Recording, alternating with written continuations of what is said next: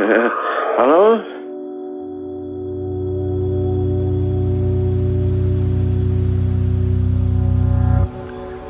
Se for deg en klassisk norsk hytte. En sånn med gress på taket og rødmalte karmer. Den ligger stille og fredelig oppe på Ringsakerfjellet i Hedmark, mellom granskog og tjern. Kanskje har en liten familie reist opp hit i helger og ferier og laget seg et lite ferieparadis. En maidag 2001 knuser noen ruta på hytta. Det forsvinner en lommelykt, en dyne fra soverommet og flere tegneserieblader. Anmeldelsen tikker inn til politiet. Og Her kan du se for deg et kart, et norgeskart, og det første innbruddet begynner å blinke som en liten, rød varsellampe. Så kommer flere anmeldelser inn. Rett borti skogen er en hyttedør brutt opp. Fem bokser hermetikk og en boblejakke stjålet. Fra en tredje hytte fordufter to soveposer, en ullgenser, en radio og en flaske sprit. Politiet klør seg i hodet. Tre røde varsellamper blinker på kartet. Og tre skal bli til tolv. Tolv skal bli til 20. Og 20 skal i løpet av sommeren 2001 bli til over 200. Over 200 hytteinnbrudd! Fra Ringsaker i sør, opp gjennom fjellet i Gudbrandsdalen og hele veien til Dovre i nord.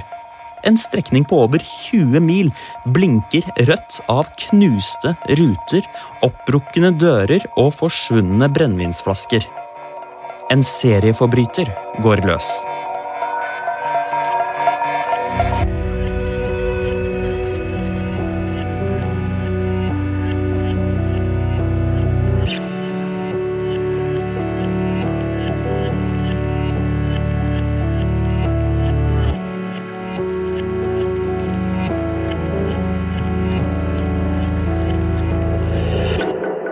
Og det er midt i dette at en tenåringsjente gjør seg klar for å dra opp alene på hytta for første gang. Ja, når han er 16 år, så greier han vel å ta vare på seg sjøl, slik noenlunde. Så da fikk oss lov til det. Uten mamma og pappa. Jeg heter Sigrid Sørumgård Bottheim. Jeg kommer fra Lesja i Gudbrandsdalen. Lengst nord i Gudbrandsdalen. I stedet har Sigrid selskap av ei venninne. Eh, Og det husker jeg ganske godt, fordi eh, når vi kommer mot hytta vår, så er det, det har alltid vært et sprekk i glassruta på kjøkkenet. Eh, Så når, når vi begynte å nærme oss hytta, så sa jeg til venninna mi liksom for å eh, skremme henne litt at hun så har knust glasset i, i, på kjøkkenet. Men det sa jeg jo bare på tull, fordi at den sprekken har jo vært der hele tida. Så gikk vi liksom og humra litt med det. Da bare ha-ha, det var bare tull. Men så når vi kommer opp på troppet, leser opp eh, eh, og åpner dører, da det første som møter oss da, er liksom at skåpdøren inne i skåpet i gangen, de står oppe. Så da skjønner jeg det. Her har det vært noen. For alt oss visste, så kunne jo han sitte, sitte en plass og se at oss kom. Men oss var jo litt tøffe, da, for oss fant ut at vi måtte liksom klarere hytta. Så tok oss et sånn der peisverktøy hver, sånn askeskuffe eller et eller annet, bevæpnet oss med det, og var klar til å slå han ned hvis han var på et av de andre rommene. Jeg gikk inn, først inn i den stue- og kjøkkendelen, der sto alle skulpturene oppe. Da tenkte oss nok at hvis han var på hytta, så var han i det lille rommet, det bo bodrommet innenfor gangen. Det var det siste rommet vi gikk inn på, og da sto oss liksom klar. Hvem var det som skulle slå da? Det vet ikke hadde avtale. Men herregud, hvis han hadde vært der, så hadde jo sikkert han lett slått oss ned i stedet for. Han har sikkert ikke med seg enten noen ølboks eller akevittflesker eller noe sånt. Men noe annet har han ikke gjort i hytta vår. Men i hytta til far til venninna mi, som da ligger litt lenger inne, der har han antageligvis overnatta, fordi der eh, var det litt mer eh, ille tilredd. For der var det liksom litt sånn blod og sånn i eh, sengetøyet. Og han hadde knust noe porselen. Hos politiadvokat Lars Ringvik på den vesle politistasjonen på Lillehammer begynner anmeldelsene å renne inn. Det var veldig sånn målrettet mot eh, mat, brennevin, kanskje noen klær, og så var det videre. Forbannede hytteeiere melder ifra til politiet. Så man begynte etter hvert altså få Om, er det samme person, eller liksom, hvem er det som står bak dette her, da? Ryktet om en innbruddstyv sprer seg oppover fjelltraktene i Gudbrandsdalen. Han var jo inne, han knuste et par vinduer og, og kom seg inn. Tok litt mat og, og et par brennevinsflasker eller noe. Det var jo flere hytter enn var inne til oppå der, som avføring på gulv og Ja, du hørte riktig. Avføring på gulvet. Så det var liksom ikke noe koselig. Han knuste i rute, så vi visste jo at han var i området, liksom. Kona mi sier nå at det, det var jo noen, særlig damer, da, som var litt redde for å gå i fjellet for å støte på. Og de kunne ikke skjønne hvorfor ikke det gikk an å få tak i den. Ingen har sett innbruddstyven med egne øyne, og ingen klarer å forutse hvor han er på vei. Altså Man mottar en anmeldelse, og så er det begrensa hva man egentlig kan gjøre. altså. Ringvik klør seg i det krøllete håret, mens bunken av anmeldelser vokser på pulten hans. Oh my god. Politiadvokaten har aldri sett noe lignende før. Ja, for det, dette, altså, dette er første og eneste gang jeg har hatt en sak med så mange vinningsforhold på så samlet, eller konkret samlet tidspunkt. Tenker bare ringe meg om en halvtime, Jon. Jeg sitter i møte her. Så det var noe av eh, greie at det var så mange forhold. Så blir politiet oppmerksomme på en etterlysning. En fange har stukket av fra Ringerike kretsfengsel. Fangen heter Terje Larsen, er i 40-åra og har oppført seg eksemplarisk i fengsel. Han får innvilget fire timer permisjon til å gå på sportsbutikken i Hønefoss. I lomma har han 1000 kroner til nye fotballsko. Og på rullebladet 13 dommer for hytteinnbrudd. Når det samlede bildet var at du hadde et bredt belte av et dalføre med hytteinnbrudd, og eh, man visste at eh, Larsen ikke hadde vendt tilbake fra permisjon, eh, og med hans historikk så var det ikke så vanskelig å legge sammen to og to. Politiet mistenker det, hytteeierne frykter det, og snart plukker lokalavisene det opp.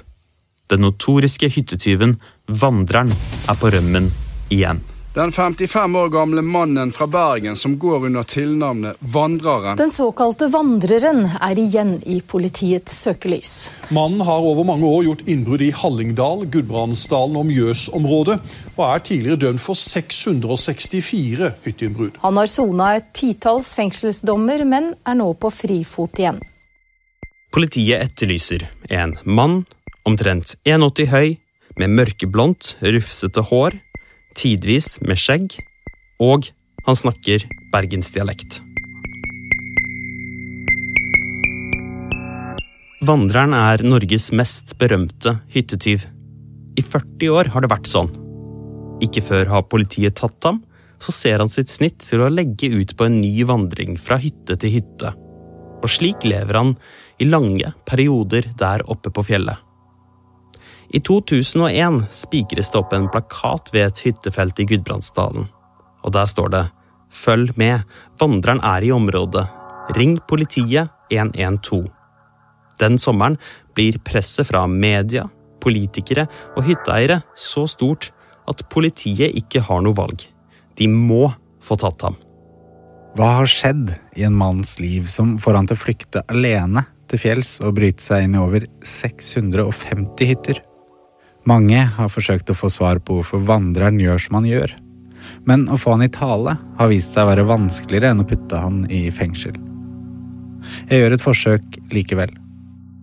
Jeg heter Peter Daatland. Jeg heter Martin Holvik. Og dette er historien om vandreren, episode 1, Myten.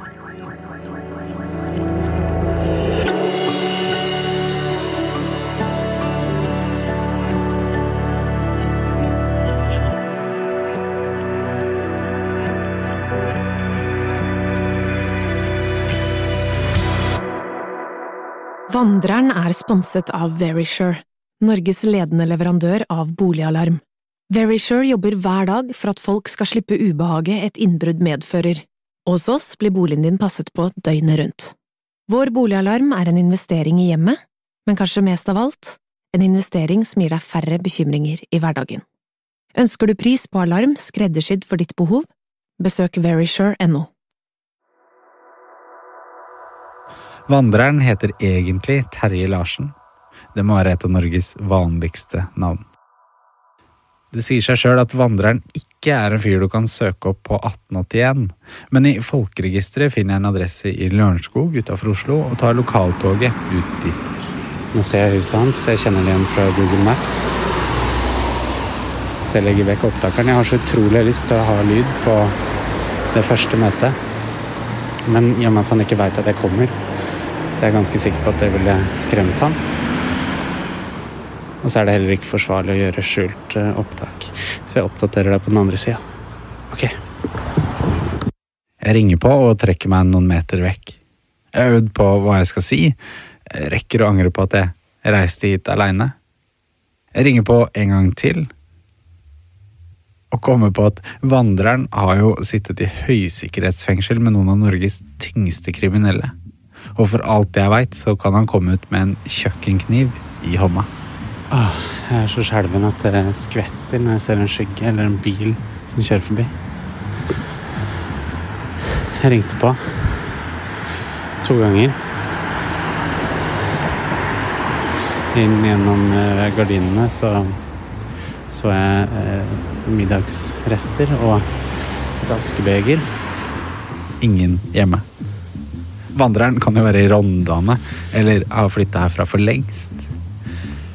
Før jeg stikker, så kikker jeg i postkassa.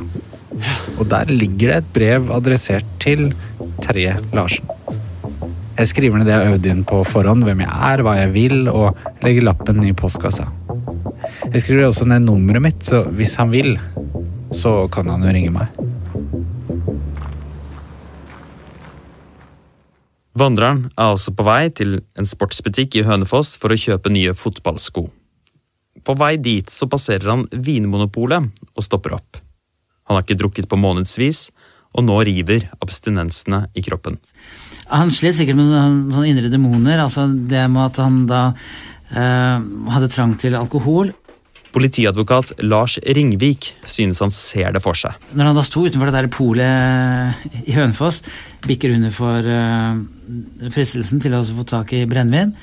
Og at han, ja, Det her skulle han selvfølgelig ikke ha gjort, men det gjorde han. Og på mange måter så begynner vel det da Det er vel begynnelsen på den odysseen som han da legger ut på. da. En odyssé? Ja, en reise.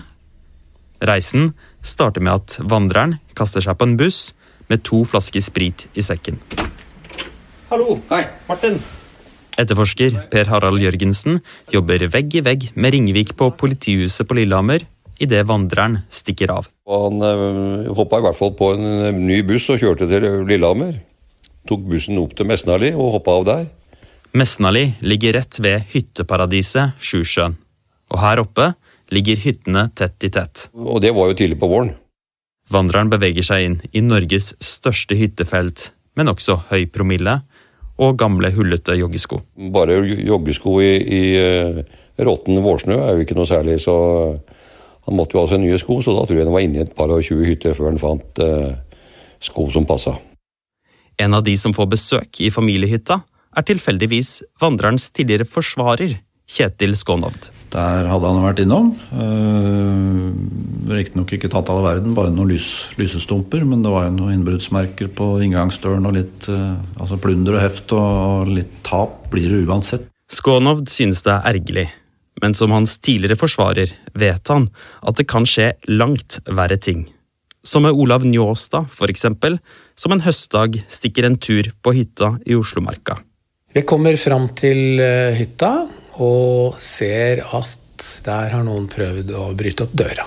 Eh, jeg ser at det er knust et vindu, og at eh, vinduet er brutt opp. Jeg tar ned nøklene, som da fortsatt ligger der, låser opp døra og går inn. Og der ligger da visittkortet. Og det er en haug med tørr bæsj. Sånn rett foran eh, peisen. Så det første jeg tenker, er ja, det er godt at den er tørr. At bæsjen har fått tid til å bli tørr, illustrerer et av politiets problem denne sommeren. Det er jo ikke akkurat noen ferske spor. Tyvene er jo øyensynlig ikke i området lenger. Fordi hytteinnbruddene oppdages uker senere, er de vanskelige å oppklare, ifølge Ringvik. Altså Man kan selvfølgelig med sånn teknisk eh, fingeravtrykk, DNA, men ofte så tar det tid før hytteeieren eh, får nyss om at det har vært innbrudd. Eh, og så ligger hyttene langt inn på fjellet, så det er også ressursmessig og en lensmannsbetjent altså går 18 mil for å komme seg inn på hytte for å begynne å pensle. Og på listen over alvorlige forbrytelser så kommer et enkelt hytteinnbrudd ganske langt ned. Så ofte så kan disse sakene kanskje bli behandlet litt sånn stemoderlig, da. Lensmenn i Gudbrandsdalen har verken tid eller ressurser. Men når tsunamien av uh, saker etter hvert begynte å velte innover, så, uh, så, er det slik at politiet også måtte ta noen grep her, da. Men ta noen grep? Hvilke grep skal de ta? Så det er jo ikke bare å fly ut og fange den. Sier Jørgensen. Vi kan jo ikke bare hente den ut av løse lufta, vi må liksom få spora den opp, og, og det er ikke enkelt. Fjell-Norge er jo omfattende. Hvilke, hvilke fordeler hadde vandreren da eh, mot, ja, det, mot politiet? Det er klart han beveger seg eh, sånn som han gjorde, eh, så godt som mulig ute av allfarvei. Flytter seg om natta, stort sett. Eh, holder seg i skjul om dagen hvis han var redd for at det skulle være folk i området. Så lå han jo som en mus under senga og holdt fred. Fyrte ikke om men hvis han hadde kommet seg inn i ei hytte. Fyrte ikke om eller noen ting, bare lå der stille og venta til det ble natt, og han kunne komme seg videre usett. Så det er jo klart, det er jo ikke noe det, det, det, er jo ikke lett å fange den da, når du ikke veit hvor den er og hvor den går.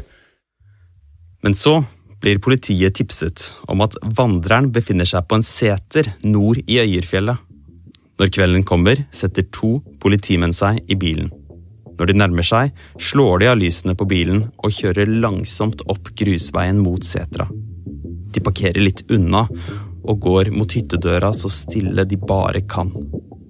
Idet de åpner døra, er vandreren borte vekk. Og så ble det på mange måter, i anførselstegn, da, en sånn liten sånn menneskejakt. Da, skjønner jeg, for at I kjølvannet av han så lå det nå i 2001 og det lå jo flere hundre hytteinnbrudd. En lensmann sier til Dagbladet at vandreren er vaktsom som et dyr og har nærmest overnaturlige sanser. Vandreren er på frifot, skriver avisene i store bokstaver. Terje Larsen har for alvor blitt kjendis. Han har sona et titalls fengselsdommer, Barn får med seg mer enn man tror. Og mange av dem får ikke sove om natta pga. de skumle historiene om det rufsete monsteret med bergensdialekt. Ofte vi kjørte bil, så fortalte pappa om liksom, nyhetssaker. Pappa fortalte om at det var en mann som eh, brøyt seg inn i hytter. En av dem som sover dårlig, er åtte år gamle Kaja Storøsten. Hun sitter i baksetet i bilen på vei opp til hytta idet pappa skrur på radioen. Så kom det et eller annet om han, eh, en mann som hadde brutt seg inn i jeg vet ikke, 60 hytter. Han tar seg inn i hyttene på enkleste måte. Ved stuebordet tar han seg noe å drikke og en røyk. Er han trøtt, sover han i eierens seng, men sparker fra skikkelig når han hører det kommer noen. Tror jeg kanskje også det var en eh, under en nyhetssak der han um, der han var uh, sluppet ut av fengselet. Så det er ofte svært utrivelig å komme til hytta etter at vandreren har vært på besøk. Enkelte ganger også etterlater han seg jo et spesielt visittkort. da. Avføring på gulvet. Selvfølgelig, det jeg alltid husker, er at han bæsjet på uh, på hyttegulvet. Jeg så jo veldig billedlig vår hytte, da, at han kom inn i den hytta. En sånn mørk skikkelse i brun på sånn gammel liksom mørkegrønn tursekk, liksom, med fjellsko og liksom ull, sånn norsk typisk ullgenser. Jeg husker jeg lå liksom, Jeg kunne ligge liksom sent uh, Jeg kunne liksom ligge og tenke på det her mange, noen timer før jeg liksom sovnet. Er det, men det er jo veldig stille. Du hører kanskje Jeg tror ikke man hører liksom bilveien. Altså, du kunne sikkert, sikkert høre noen sånn fuglelyder og sånn. Og liksom, liksom knirking fra trærne og sånn. Det er liksom det eneste. Og liksom, så, I tillegg er det mose, så de skrittene hadde du ikke hørt. Så jeg bare så han komme sånn sakte oppover bakken. Altså, Jeg var bare så redd. Vandreren setter ikke bare i gang fantasien hos barna, også rundt lunsjbordet hos politiet går praten om hva slags kjeltring dette kan være. Det, det, det, var liksom at det, det, fulgte med en del myter om eh, Larsen, altså historier. Han, han, brukte jo ikke kjøretøy, han, han brukte jo beina, så, så, på mange måter så var han hva, hva, hva heter det, har man ikke sånn Jes Baarsen, sånn de gamle eh, kjente vinningsforbrytere som ja, eh, sonet på prisonen? Altså, de, de, de, vandret rundt omkring, da. Det er jo en slags form for, om ikke beundring, så i hvert fall en slags slags anerkjennelse av at han, han er jo en, en skikkelig sprek kar. Uh, flink å ta seg fram i fjellet. Vi, vi snakker om en fyr som det, det, var ikke noe sånn eh, Jason Bourne med noe sånn, sånn GPS og vips, så hadde man det, var jo ikke det. Han brukte ikke mobiltelefon. altså Det var ikke noen elektroniske spor på han her. Så Sånn sett så var han jo totalt analog fyr. Denne, denne, denne drivkraften han har, da, hva, hva, hva, er det som ligger bak det?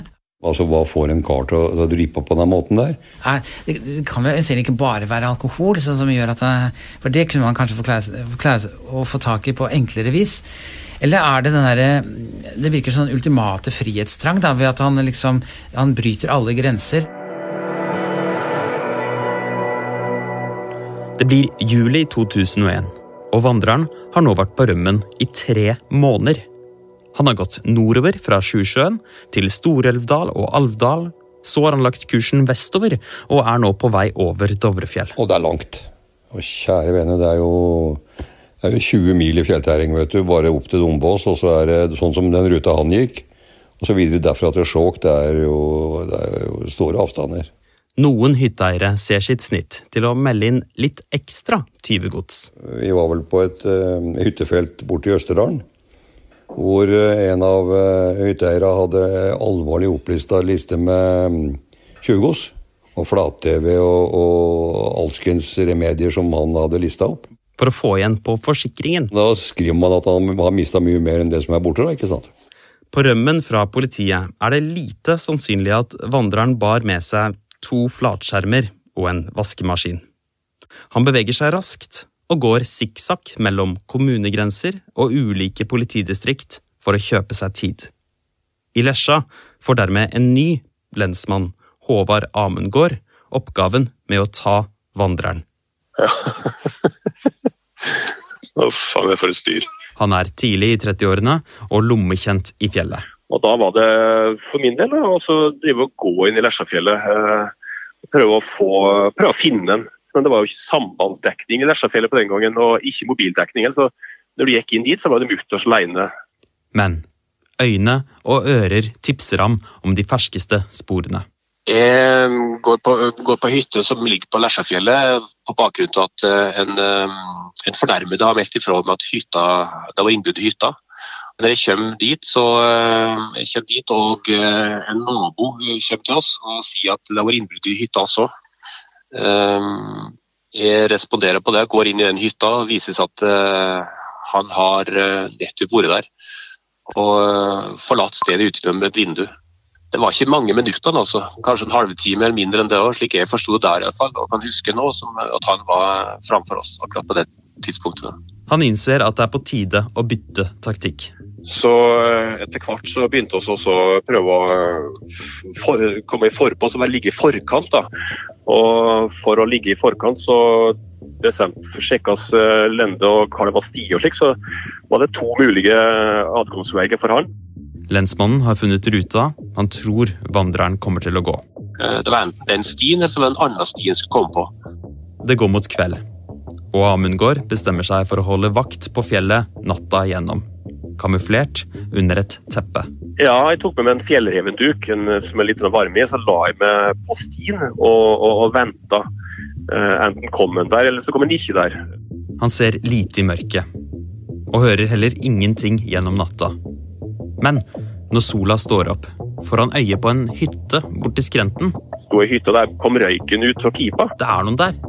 Så jeg begynner å lure om det var han. da, så jeg jeg gikk bort til hytta og, og banka på. Døra går opp, og der står hytteeieren, som lurer på hvorfor i all verden politiet vil snakke med han. Det var ikke Larsen, det var en annen som hadde lovlig tilgang til hytta. Nå er Håvard Amundgaard lei av å leke katt og mus. Det er jo ikke politiet fornøyd del, når vi ikke føler at vi gjør, gjør jobben vår.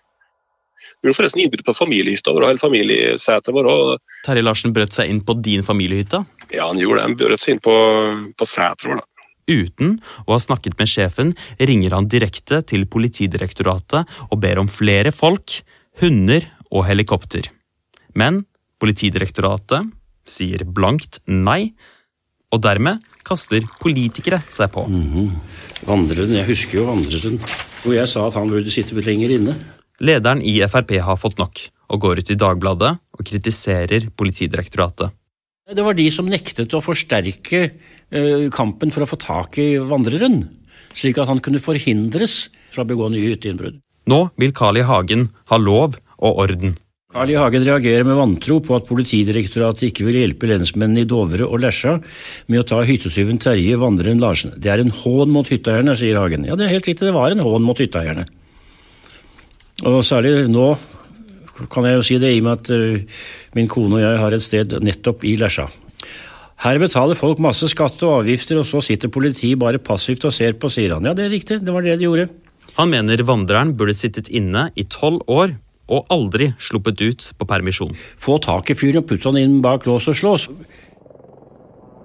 Omsider, i august, så settes det inn helikopter og hunder i jakten på vandreren. Og en patrulje på seks politimenn er ute i fjellet. I tillegg til flere titalls hytteeiere som melder seg frivillig til å holde vakt. Det er nå Sigrid, hun som er på sin aller første hyttetur uten mamma og pappa, oppdager åpne skapdører på hytta og all hermetikken som er borte. Foreldrene våre kom jo innover, og etter hvert så kom da politi i helikopter, faktisk. Det her var vel før nærpolitireformen, så da hadde jeg kanskje litt mer ressurser. Og jeg synes det var fryktelig artig, da, fordi den ene politimannen har sikkert vært på et eller annet møte, eller noe, så han kom i lakksko på fjellet. Så det, det humra godt over. det nærmer seg jaktsesong, og hyttene rundt Skjåk og Lesja fylles opp av jegere. Nå lever vandreren farlig. Klokken halv fem på morgenen lørdag 19. august 2001 er to politimenn på vei ned fra fjellet. De har tilbrakt natta på en utkikkspost. Da får de øye på en skikkelse som ligger og sover i grøfta. Mannen er møkkete, full og utslitt. Og i sekken har han en flaske sprit og et kubein. Vandreren gjør ingen motstand idet han får satt på håndjern og blir geleidet ned fra fjellet. For når han var først var arrestert og skjønte at slaget var tapt, og, og hadde vært på tur i, i x antall måneder, så, så var han nok egentlig innerst inne klar for en liten pause. Og da visste han at han fikk det i fengsel, da, ikke sant. Etter 221 hytteinnbrudd er det endelig game over. Etter en lang kjøretur fra Skjåk i Gudbrandsdalen kom vandreren med hette over hodet tilbake til Ringerike kretsfengsel. Det var her han unnlot å møte opp etter permisjon i april. Ja, hei du. Vi kommer fra Skjåk som en arrestant. I morges ble han tatt etter at til sammen 20 frivillige hadde holdt vakt i hytteområdene i Skjå. Illeluktende og ustelt ble vandreren tatt hånd om av politiet, og han innrømmet å stå bak flere hytteinnbrudd i kommunen. Vandreren blir dømt til tre år bak murene og sendes tilbake til Ringerike kretsfengsel ved Hønefoss. Der beskrives han igjen som en mønsterfange. Og med et halvår igjen av soningen blir han prøveløslatt. Det er mars, snøen smelter, og i fjellet ligger hyttene og venter på ham. Det går som det må gå. Han møter ikke opp til avtalt tid, og vandreren er på rømmen igjen.